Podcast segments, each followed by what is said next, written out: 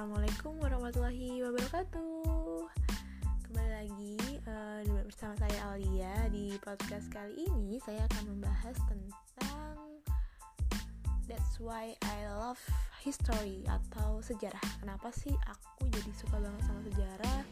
Dan kenapa juga uh, Apa sih perubahannya kemudian uh, Karena sejarah yang membuat aku sekarang menjadi uh, Sampai di titik ini?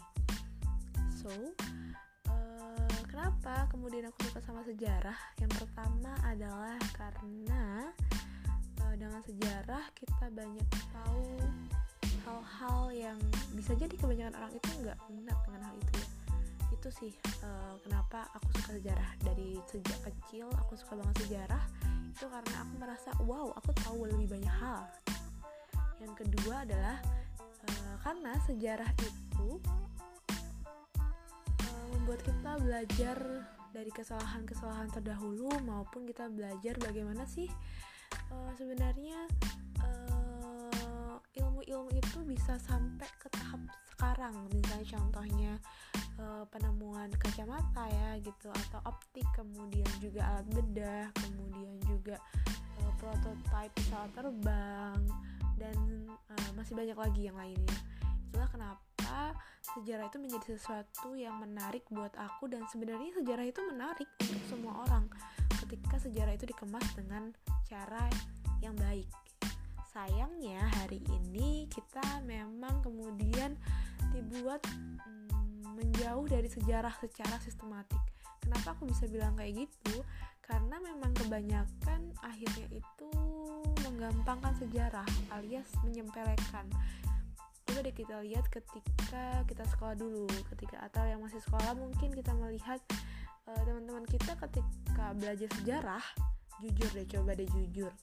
Suka mata pelajaran sejarah atau malah bosan atau malah deg-degan karena dosennya killer dan sebagainya. Atau ngantuk karena ngebosenin dan sebagainya.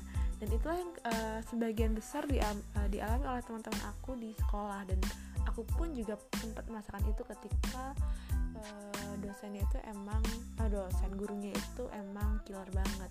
Cuma kalau aku pribadi aku tetap suka dengan sejarah meskipun aku membenci mata pelajaran sejarah. Nggak benci juga sih kayak nggak suka lah. Pernah ada satu waktu yang aku nggak suka ya biasa aja gitu ketika masuk ke pelajaran sejarah. Tapi ketika uh, membaca sejarah ya bukan dalam artian ingin mendapatkan nilai itu ada kepuasan tersendiri gitu. Ada rasa yang wah uh, terpuaskan gitu dahaga keilmuannya istilahnya gitu dahaga apa ya uh, keinginan untuk tahu lebih banyak hal.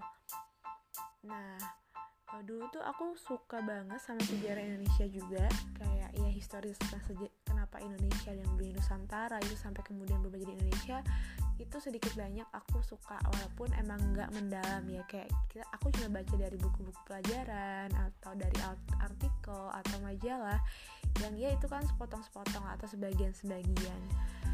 Uh, sampai akhirnya aku memperdalam Islam mengkaji Islam secara intensif uh, dan aku menemukan banyak sejarah-sejarah yang sengaja dikaburkan yang sengaja dihilangkan dari kaum muslim terutama atau ya gimana ya dengan memang uh, kalau kita lihat Islam hari ini kita sudah mulai banyak terbantu dengan banyak situs-situs uh, dan karena dengan kemudian alhamdulillah ya akses internet yang mudah yang terjangkau kita bisa mengakses banyak situs-situs sejarah Islam uh, di media-media online. Tapi kalau kita bermundur mungkin 10 tahun yang lalu akan susah gitu ya akan susah untuk untuk uh, mengakses itu semua jadi ketika aku beberapa tahun yang mulai dari sekitar empat tahun yang lalu kemudian mengkaji Islam uh, akhirnya aku banyak tahu uh, akhirnya aku tahu gitu ternyata banyak banget hal-hal uh, dari Islam yang aku nggak ketahui dan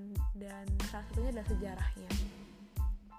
Bagaimana kemudian sejarah Islam masuk ke Indonesia pun ternyata itu kan kalau secara uh, apa ya secara kemudian sudut pandang itu ada banyak hal. Ada teori Gujarat ada teori uh, apa namanya teori kemudian Islam yang lain dan sebagainya kayak gitu. Yang kemudian juga jadi perdebatan di kalangan netizen kayak gitulah ya istilahnya. Aku sempat lihat di uh, beberapa hmm, uh, media sosial kayak gitu. Tapi uh, yang namanya fakta sejarah itu kan gak akan bisa yang namanya di tenggelamkan selamanya ya. Mungkin bisa lah ditenggelamkan selama beberapa puluh tahun tapi sejarah yang asli faktanya yang asli itu bakal terus menerus muncul ke permukaan. Dia nggak akan mungkin bisa ketutup gitu ya. Sama halnya ketika aku akhirnya belajar tentang sejarah masuk ke Islam ke Indonesia. Kalau dulu uh, ketika kita belajar is, uh, sejarah Islam atau kerajaan Islam di Indonesia ketika kita SMA yang kita dapati adalah Islam itu teorinya adalah masuk melalui pedagang-pedagang uh, dari India, Arab dan sebagainya. Ya bisa jadi bisa jadi memang iya gitu ada tapi ternyata ada faktor lain loh yang kemudian menyebabkan munculnya banyak kerajaan-kerajaan Islam di Indonesia. Dan salah satunya uh, faktor terbesarnya adalah ketika saat itu uh, Islam itu sedang berjaya, sedang uh, pusatnya gitu peradaban Islam sedang berjaya di uh, dengan pusatnya di uh, Turki gitu ya atau kita tersebut dengan kekhilafahan Turki Utsmani. Jadi uh, ketika itu kerajaan uh, Sriwijaya ya itu kan kemudian akhirnya menjadi kerajaan Samudra Pasai itu mulai mendengar tentang bagaimana uh, keadilan Islam gitu ya yang kemudian membuat penguasa ketika itu kemudian tertarik untuk uh, apa ya membahas uh, membahas uh, bukan kok jadi membahas sih? Oke okay, sorry karena uh, ingin tahu lebih dalam gitu sampai mengirimkan kemudian surat kepada khalifah ketika itu untuk diberikan untuk apa ya untuk kemudian diberikan ahli-ahli yang bisa mengajarkan tentang Islam di kerajaannya singkat cerita akhirnya kemudian berdirilah Samudra Pasai kemudian kerajaan-kerajaan Aceh yang kemudian uh, tunduk pada kekhilafahan Turki Utsmani sampai kemudian menyebar di seluruh Nusantara ya. Kita bisa lihat ada kerajaan uh, Majapahit Islam di Jawa kemudian ada banyak kerajaan-kerajaan Islam di uh, wilayah Sulawesi dan sekitarnya. Itu adalah kerajaan-kerajaan uh, yang membaiat itu ya, atau tunduk pada kekuasaan Khalifah Turki Utsmani ketika itu pernah nggak sih kalian tahu tentang itu? Kalau aku jujur ketika aku kemudian baru mengkaji Islam akhirnya aku tahu tentang sejarah ini. Yes. dan itu kan sesuatu yang kayak lo kok baru tahu sih? Gitu. Tapi emang kenyataannya emang baru tahu karena selama ini nggak pernah dikasih akses bebas untuk uh, untuk kita mengenal itu. Dan ya memang karena memang ditutup-tutupi gitu ya. Kenapa kok bisa sampai aku ber uh, apa ya, ber mengatakan bahwa ini ditutup-tutupi karena memang faktanya demikian. Nah gitu. Tapi eh, nggak uh, mungkin aku jelasin di sini ya terlalu panjang lebar kali tinggi gitu ya. Yang ada nanti malah uh, apa ya miss gitu. Jadi lebih baik kalau misalnya memang mau membahas lebih lanjut adalah diskusi secara langsung. Tapi yang pengen aku garis bawahi di sini adalah ketika aku mengkaji Islam potongan-potongan sejarah yang aku pelajari sampai ketika sekolah ya dari mulai kemudian belajar tentang kerajaan Islam bagaimana kemudian penjajahan masuk ke Indonesia ketika aku belajar Islam aku tahu aku bisa mengalurkan men mendapatkan benang merah dari setiap peristiwa yang ada. Sih kayak dulu tuh ketika belajar sejarah tuh ya potongan-potongan aja gitu dapetnya oh iya um, Portugis masuk ke Indonesia nih gitu. Oh iya Belanda masuk ke Indonesia nih kayak ya udah sepotong sepotong sepotong. Tidak sampai kemudian mengalurkan tidak sampai kemudian mencapai benang merahnya. Itu pribadi yang aku rasakan.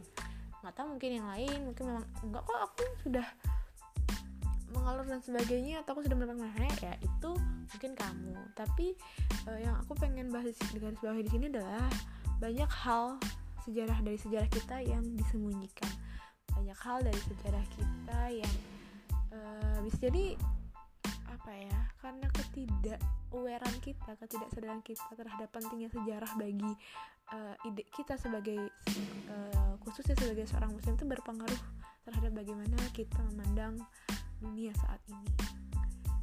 Jadi uh, buat teman-teman nggak mulailah kemudian mencari informasi terkait sejarah kita sejarah Indonesia bahkan secara khusus sejarah muslim sejak uh, zaman Rasulullah SAW.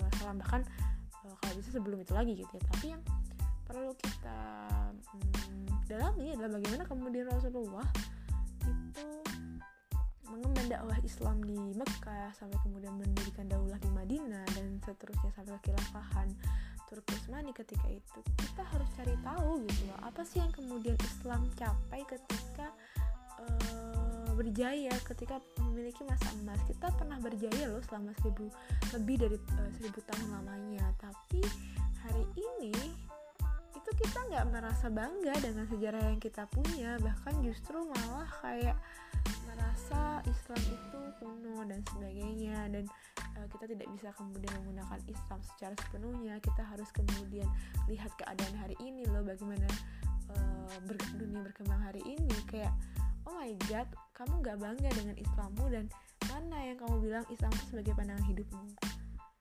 Gitu. Nah, mungkin itu dulu aja kali ya malam ini. Semoga ada uh, yang bisa diambil manfaatnya. Mohon maaf kalau ada salah-salah kata atau mungkin salah-salah ucap. Semoga kita bisa terus uh, menggali ke Islam apa menggali ilmu Islam kita menggali kemudian sejarah-sejarah yang ada dan semoga semuanya itu bermuara pada ketaatan kita semakin taatnya kita sama Allah Subhanahu Wa Taala dan uh, Allah ridho dengan apa-apa yang kita lakukan mungkin uh, sekian dulu malam ini uh, selamat beristirahat dan semoga uh, senantiasa dalam lindungan Allah Subhanahu wa taala. Wassalamualaikum warahmatullahi wabarakatuh.